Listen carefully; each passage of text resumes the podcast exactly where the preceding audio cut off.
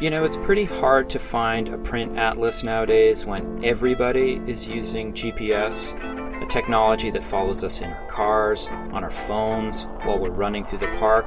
So, is the map dead? Or is it everywhere?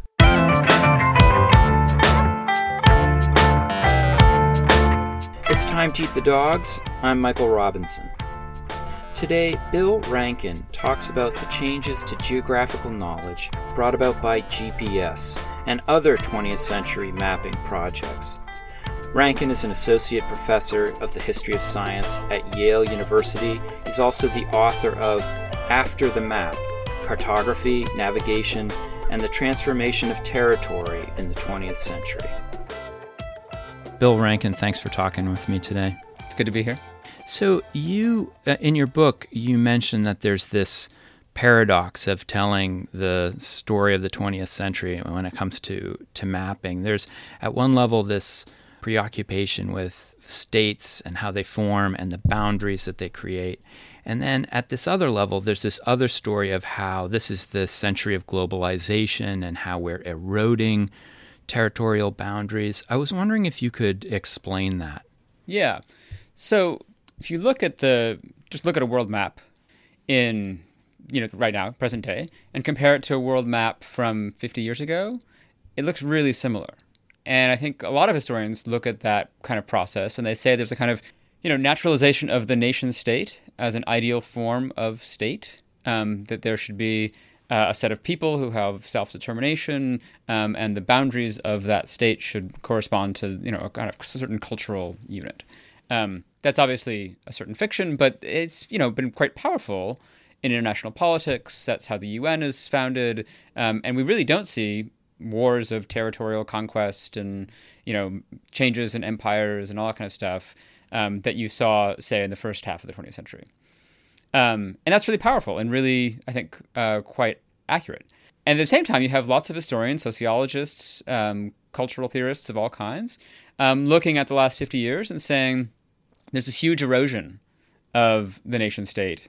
Um, there's an emptying out of its functions. There's, you know, global capitalism is transforming uh, what can move across borders. There's more kind of world culture rather than specific national cultures. Mm-hmm. Um, and I think there's a lot of truth to that as well. Um, I think that it is, in fact, the case that you know there's more stuff traveling across boundaries, whether it's people, knowledge, artifacts, um, just capital, uh, than there was again in the first half of the 20th century. Um, it's not unprecedented. There's a you know huge moment of globalization in the late 19th, uh, early 20th century, but I think it's again it's fair to say that something really important has happened in the last 50 years. So a lot of the sort of starting point of the the book was how do we make sense of these yeah. two things, mm-hmm. right? How do you put them in conversation with each other? How do you not just say something like, "Oh, both seem compelling and true, but maybe in different ways, or whatever"? How do you how do you advance an argument about how they can both be true at the same time, um, and try to get at some? Uh, for me, it would seem like a, a kind of a, a, a, better understanding of the actual spatial transformation. Um, rather than uh, simply a paradox. And one of the projects that's uh, one of the three projects that's at the center of your of your book is the development of the international world map. I was wondering, you kind of start that story with the story of Albrecht Pecht. Penck. Penck. Yeah. Am I saying that correctly? Yeah. Um, I was wondering if you could talk about Penck and, and what he was trying to do.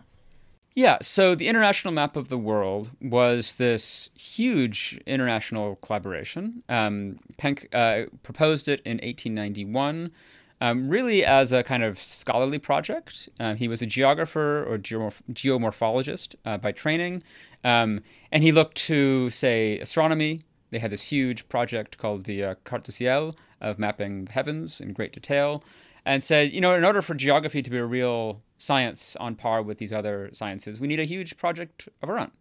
um, and so we should, you know, make a basically a uniform atlas of the world. All country, all map makers should agree to certain standards um, of scale, uh, conventions, um, language, uh, projection, um, to make an atlas of uh, I was roughly about a thousand sheets mm-hmm. Um, to show the the state of geographic knowledge. So in places where uh, there's already a lot of mapping done, like in Europe or the United States. That would mean some abstraction. Whereas in other parts of the world, you know the colonies writ large, um, you'd have to do more research to, to bring it up to speed. What I found really interesting about this part of your book was that you were saying it wasn't as if there was some pressing demand among map users or policymakers for a kind of universalized map of the world. Right. But everyone seems to get on board this thing pretty fast. Yeah. Why why do you think that is? Yeah, so it's really interesting. Yeah, so there's very little evidence that this thing took off, right? That no one really used it, from what I can tell. I mean, was, there's a couple of you know important exceptions, but uh, for the most part, this I, I, describe it as a kind of monument to civilization, um, rather than as a practical map series. Mm-hmm. Um, and I think that one of the reasons why people get on board so quickly, and by people I really mean states, right? It becomes a project that's adopted by states. Um, it's uh, the conventions are subject to international treaty. There are these big international meetings. Nearly every country in the world was formally part of this uh, mm-hmm. project by um, the eve of World War One.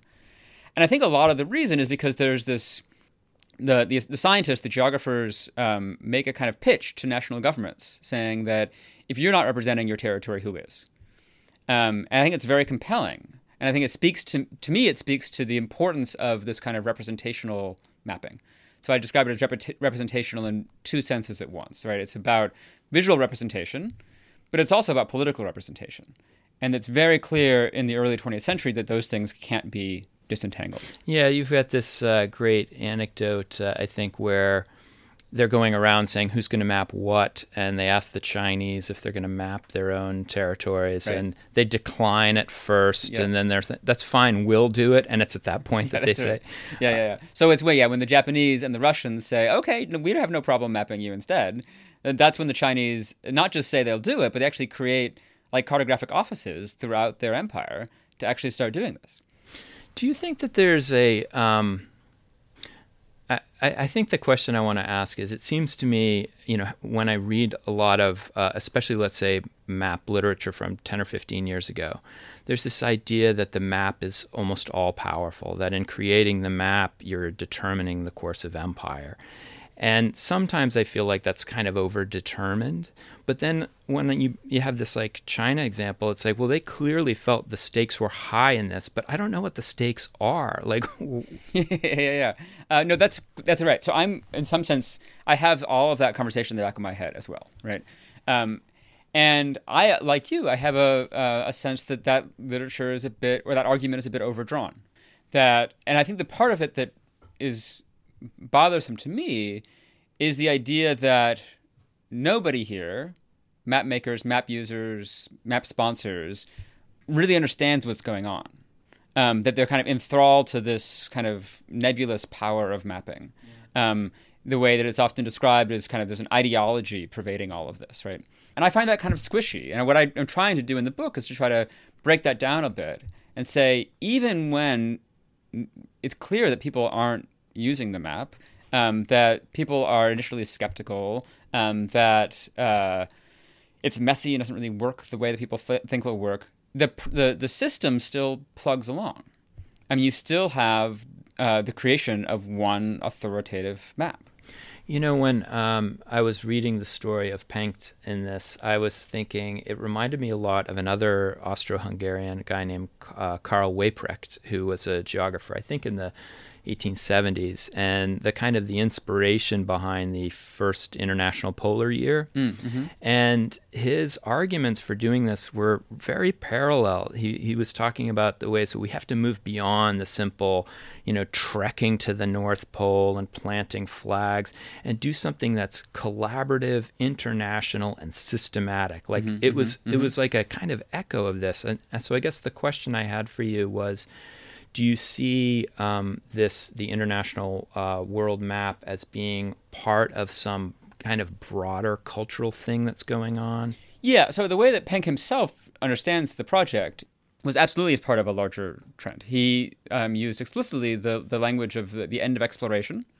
Um, saying that the kind of the, the, filling in of the world map is now complete, and now is the time to sort of get specific, to drill down and really move from extensive knowledge collection to intensive, what he called scientific knowledge, right? And he was, you know, not the only person to see this at the time. Lots of historians have echoed a similar language in the centuries since. Um, that there is some turn in the kind of the end of the 19th century from um, the, the, open world to the closed world, from the era of exploration to the era of intensification, whatever. Mm-hmm. Um, I'm somewhat skeptical of those claims, you know, on, just on face value myself. Um, but I think that that's how people understood what they were up to. Mm-hmm. Um, before we leave the um, the international world map and go on to some other subjects, I wanted to know. Um, you talk about this map as kind of holding to a vision of objectivity, a kind of view from from nowhere. Um, could you talk about that? Yeah. So anyone talking about maps has this idea that maps are deceptively objective. Right? Maps pretend to be objective. They pretend to show you the God's eye view from mm-hmm. nowhere. Um, but of course, we should understand them as cultural objects created in certain times and places for certain interests. But I think that for the international map of the world, there's something more specific going on, which is that uh, the ideal was that through collaboration, through international standardization, you would create a different kind of knowledge. Uh, you would create knowledge that transcended the individual uh, whims of, of particular map makers or explorers. And you would, through the appeal to the authority of the collective, create a knowledge that was more portable, more trustworthy, and more able to be kind of more useful, basically, more able to compare it across different times and places. So, so I think that's really interesting because what I catalog in the book was how difficult, at, at times even impossible, that was. Um, so it wasn't as simple as what Penck thought in the 1890s create a certain standard scale and a few conventions and let people go. You do that, and they still create maps that are totally different from each other. And that's why you have all these international meetings to try to standardize every possible detail of these maps. And they never really succeed. Mm-hmm. Um, and you look at debates in the 1920s and 30s when there's really quite a lot of mapping going on people are still complaining about how none of these maps actually fit together and you know the the maps of the the Dutch highlight one thing and the maps of the French highlight something else yeah. um, that kind of thing. The uh, one of the other big stories in your book is the development of uh, grid systems for yeah. mapping purposes around World War One. Yeah so they I mean they, there's a, a long history here but the the two punctuation marks for World War One and World War Two. You know when I think about a grid which is basically instead of using latitude and longitude, you're essentially dividing up the world as if it existed as a two dimensional plane. Am I? That's more or less right, yeah. So um, obviously the world is not flat, so you can't do that all in one uh, fell swoop, but you can divide the world up into basically different smaller regions, each of which you can treat uh, as a flat surface. And what are the advantages of that? What did the military see as the great advantage of eliminating latitude and longitude and using this other system. Yeah, there's a couple of, of big advantages. The the one I think that the military cared most about was that it was easier to communicate. So it wasn't you didn't have to report your coordinates with some with reference to the equator and the prime meridian and that kind of stuff. Um, you can just give some numbers, and everyone knows what those numbers are. And so it's and it's easier to read them off of the map. If the map just has a rectangular or even a square grid on it, you don't have to have you know, the trapezoids of latitude and longitude, but just just squares. Um, so uh, that's the case in lots of places that it just makes reporting a lot easier. But it also means that you can measure the from the map uh, as if it's flat. Um, now, the thing that's really fascinating to me about these grid systems is uh, they're actually quite complex mathematically. Um, they require the use of certain map projections um, and kind of applying those map projections to the world rather than vice versa.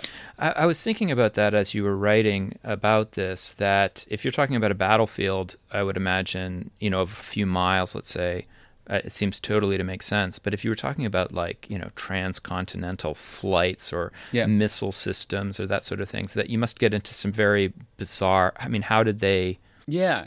So there's different map projections that have different properties. Um, the choice of map projection makes a big difference. So in World War One they used a map projection that could be extended more or less indefinitely east west. Um, so if you start the grid system, unifies all the Western Front, the French thought, oh, we'll push into Germany and we can use the same grid system. Mm-hmm. Um, but if they'd gone north or south, they would have had to use something else. And actually, at the time, the, the Germans were using a system that was better north south than it was east west. And like so many of the examples that you give in the book, these mapping systems, which start at point A, end up kind of diffusing into other areas. What is the ultimate significance of the grid system beyond, you know, military applications? Yeah, so there's a couple of ways that I find uh, it, that the grid system really helpful to think with. One, I think it really is a, a very significant change in how the military and, and allied actors um, think about space. So, being located as a soldier on a grid is very different from being located in latitude and longitude. And uh, and millions and millions of people had this experience, right? This wasn't just high command mm-hmm. making different kinds of maps. This is like different maps in the trenches, literally in the trenches. So, uh, and that then gets kind of ported back to domestic space um, in the 20s and 30s, especially in the 1930s. Lots and lots of countries, of very different kinds of countries, start to see these grid systems as actually quite useful for domestic purposes, um, for recording land titles, for organizing emergency response, for uh, highway planning, for all sorts of things. So there's this really interesting case of you know a military technology being kind of projected back onto the civilian sphere. But the other way, I think the more uh, important way for me about why these grid systems matter is because I find them to be the most plausible antecedent to basically the way we inhabit space with GPS. Mm-hmm. Um, and so that's the you know that's kind of where the trajectory of the book is going, is trying to understand uh, why do we locate ourselves at points instead of looking at a map and seeing a kind of a larger area. Since you bring that up, this idea of uh, GPS and the, the use of um, of coordinates to locate somebody in space, I was thinking that also depends upon at least an implicit map, doesn't it? I mean, to have coordinates mean that you're anchoring it to something. Yes and no. I think that um, what I found uh, remarkable with the grid systems of World War One, World War Two, especially World War One, um, people at the time were saying the map was no longer relevant. Hmm. Um, that you actually didn't need the map anymore. You needed a, a good table of coordinates. You needed good monuments in the field. Um, and the the only things you might need a map for, one person said, was to get um, changes of elevation between the your you know the the, the gun and, the, and, its target. Um, and once you could put that in the table too, you wouldn't you wouldn't need the map for anything. So, since you mentioned GPS, uh, which is the third major example in your book, could you talk a little bit about the development of GPS? I was really surprised, for example, to see that there were these kind of uh, precursors to yeah. the yeah, full-blown yeah, system. How did um, how did GPS develop, and what was its um, object? Sure. So, I guess two two ways of answering that question. One, the the kind of institutional history of GPS goes back to late 60s, early 70s, U.S. Department of Defense. At the time, there were literally dozens of various radio navigation systems. Um, operating on different principles, each for a different purpose. The U.S. Navy had its system, the uh, Air Force had its system, uh, so forth and so on.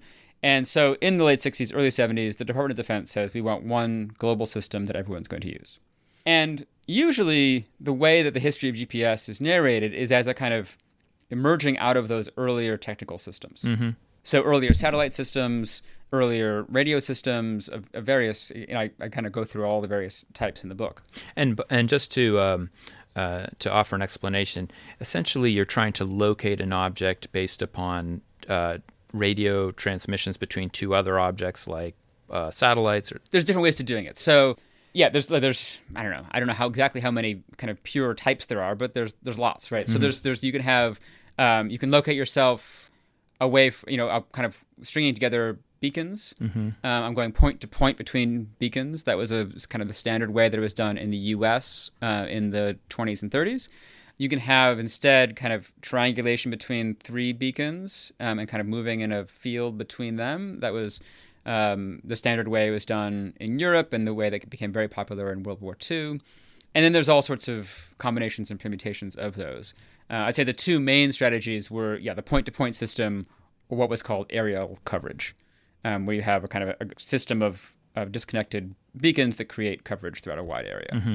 But um, the, the the way that I, in the book, I'm trying to narrate that history, is not to f- necessarily find the the antecedents to GPS always in these earlier systems, uh-huh. but to ask the larger question of how do we come to see the coordinate is so important, Mm-hmm. right? And so that's why these these grid systems to me are really part of that same answer.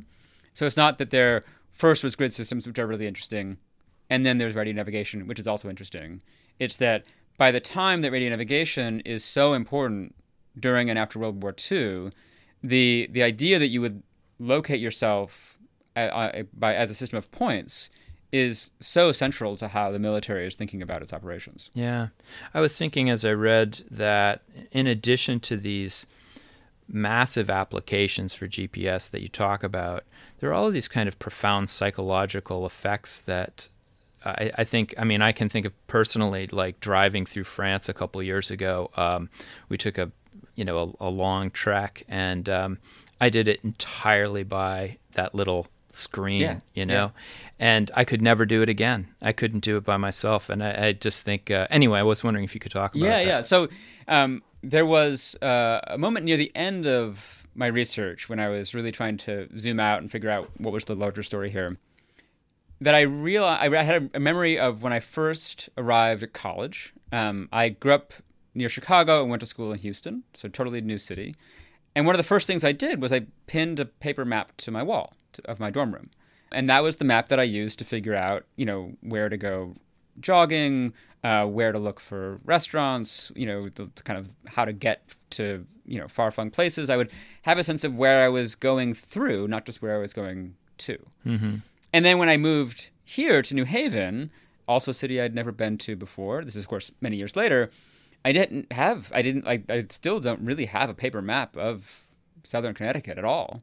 Um, and instead, I got around by looking up on my phone, you know, th- things that I cared about. So I want a good Mexican restaurant. I would look it up, I'd find one, and I'd tap go. Um, or I wanted to get some uh, a Vietnamese sandwich. Okay, the, the closest one is in Bridgeport. Take me there, right? Yeah. And so I actually had a much larger kind of radius of knowledge here, Yeah. um, but a much, but almost no understanding of what I was getting, how I was getting there, right?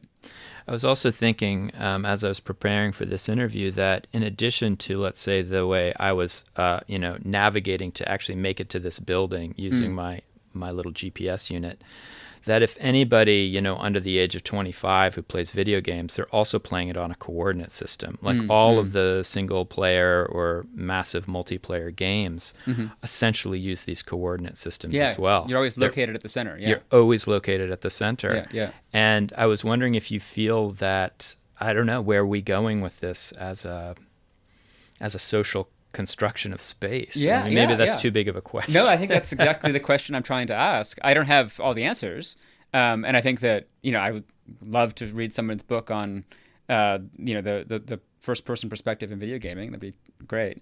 I think that one of the things that I found interesting in the 20th century was how being located as the dot in the center of the screen means that you're no longer thinking in the same way about boundaries.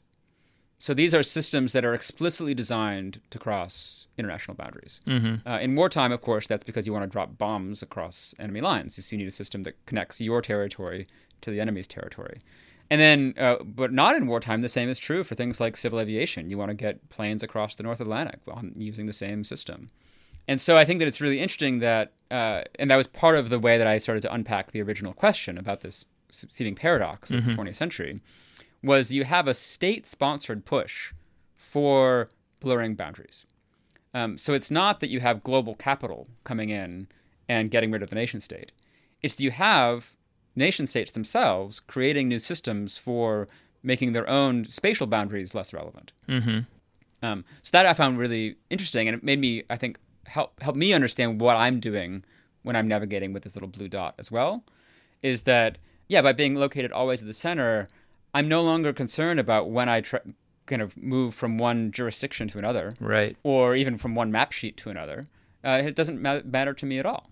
And simultaneous with that movement from representational maps to these coordinate GPS systems that we use now, you said there's also been a kind of abandonment of that objective vision of, of a map. Right, right, right. Could you talk about that? Yeah. So I mean, obviously, it'd be foolish to say that we don't have maps anymore. We probably have more maps than we ever have. Um, maps are central to, you know, the way that we navigate um, information online. Um, maps are on our screens all the time. What has, I think, been abandoned is this idea of the authoritative map, the one map, the map. Uh, that's what I kind of allude to in the title after the map. Um, the one map that is supposed to be the the, the, the, the catalog of, of geographic facts. Hmm. And instead, I think that there's uh, you see both in critical scholarship about mapping, but also in practical military mapping and civilian mapping and online mapping. There's no longer a sense that we need one map for all purposes, um, or, just, or just one map as a monument to civilization, as, as before, but rather we need different maps for different goals. Uh, we need maps that are custom designed to do particular things. And I find that a kind of a striking shift, right? We go from a map that is supposed to be authoritative and uh, powerful and pointless to maps that are exactly about trying to be uh, solving very local kinds of goals for particular users. When I when you were writing about that, it made me actually think. I'm much more comfortable in the 19th century than the 20th century, but it, it made me think of you know Cassini and the French yeah, yeah. Uh, map maker who did this unbelievable work on surveying in France in the late 1700s, I believe. Yeah, and how. In a way, I, I almost think it's maybe it's too simplistic to say, but Albert um, Alexander von Humboldt's maps um, and his interest in thematic mapping mm-hmm. of not let's say mapping everything but of mapping temperature or mm-hmm, mm-hmm. mapping mm-hmm. Um, you know isothermal lines or right. mapping species kind of paralleled some of the shifts that you were talking about in the late 20th century. I was wondering if you had any thoughts about that. Right. So, um, one of the things that I find really interesting about thematic map is that it's totally a 20th century category. And it's a category invented at exactly the time that people are investing in the international map of the world as a big project. So, you mean the term the thematic term map. thematic mapping. And the, what's what's embedded in the term thematic mapping is an opposition against the base map. So you have the base map and you have the thematic overlay, mm-hmm. um, which is not how Humboldt or others in the 19th century understood what they were doing. Mm-hmm. Um, they were not making overlays, and and yet that's the way that we now understand it because the people who were so invested in this idea of the thematic map, the analytic map, had in the back of their mind this idea that first you had to make the base map. And the base map had to be the product of governments, it had to be authoritative, it had to be unimpeachably accurate. And then the scholar could come in and overlay their thematic information. Yeah. And, uh, and yeah, I think that that is what I am seeing as, as, as eroding as an ideal. Right? Yeah. Uh, it didn't work. Um, it was only ever rhetorical. And, uh, and it's certainly not the way that mapping was actually done um, in the, the late by the late 20th century. I wonder if you think, and this is total speculation, I guess, but it, it, seems that there's so much activity going on in terms of exploration of um, within the solar system, as well as let's say exoplanet research, which is a really amazingly hot field, and I actually have on my um, iPhone a little app called Star Chart, which mm-hmm. uh, gives you a kind of overlay of uh, where the stars are in the sky. And I was thinking to myself, wow, I'm completely illiterate when it comes to where certain stars are. I know their names, but I don't know relative uh, to other stars where they exist. And I was thinking how difficult that is because it's actually all three dimensional mm-hmm. um, and at mm-hmm. different distances. Do you think that? I don't know. Do you have any feelings for how we might be moving forward in terms of how we represent these increasingly uh, abstract spaces? It's a really good question. Um, I mean, of course, I, am a historian rather than a futurologist. Yeah, it's total speculation. That's fine. Um, I think that um, one of the things that I find really interesting is the way that mapping is used well outside of you know representations of surfaces, part of the surface of the Earth, yeah. right, um, or the heavens for that matter. And I'm asked sometimes, you know, what do I think about you know, mapping the genome or mapping social networks. And I think the expectation is sometimes that as a historian who studies maps, I would be mad about that, right? I would say, no, no, no, no, maps are only what I say they are.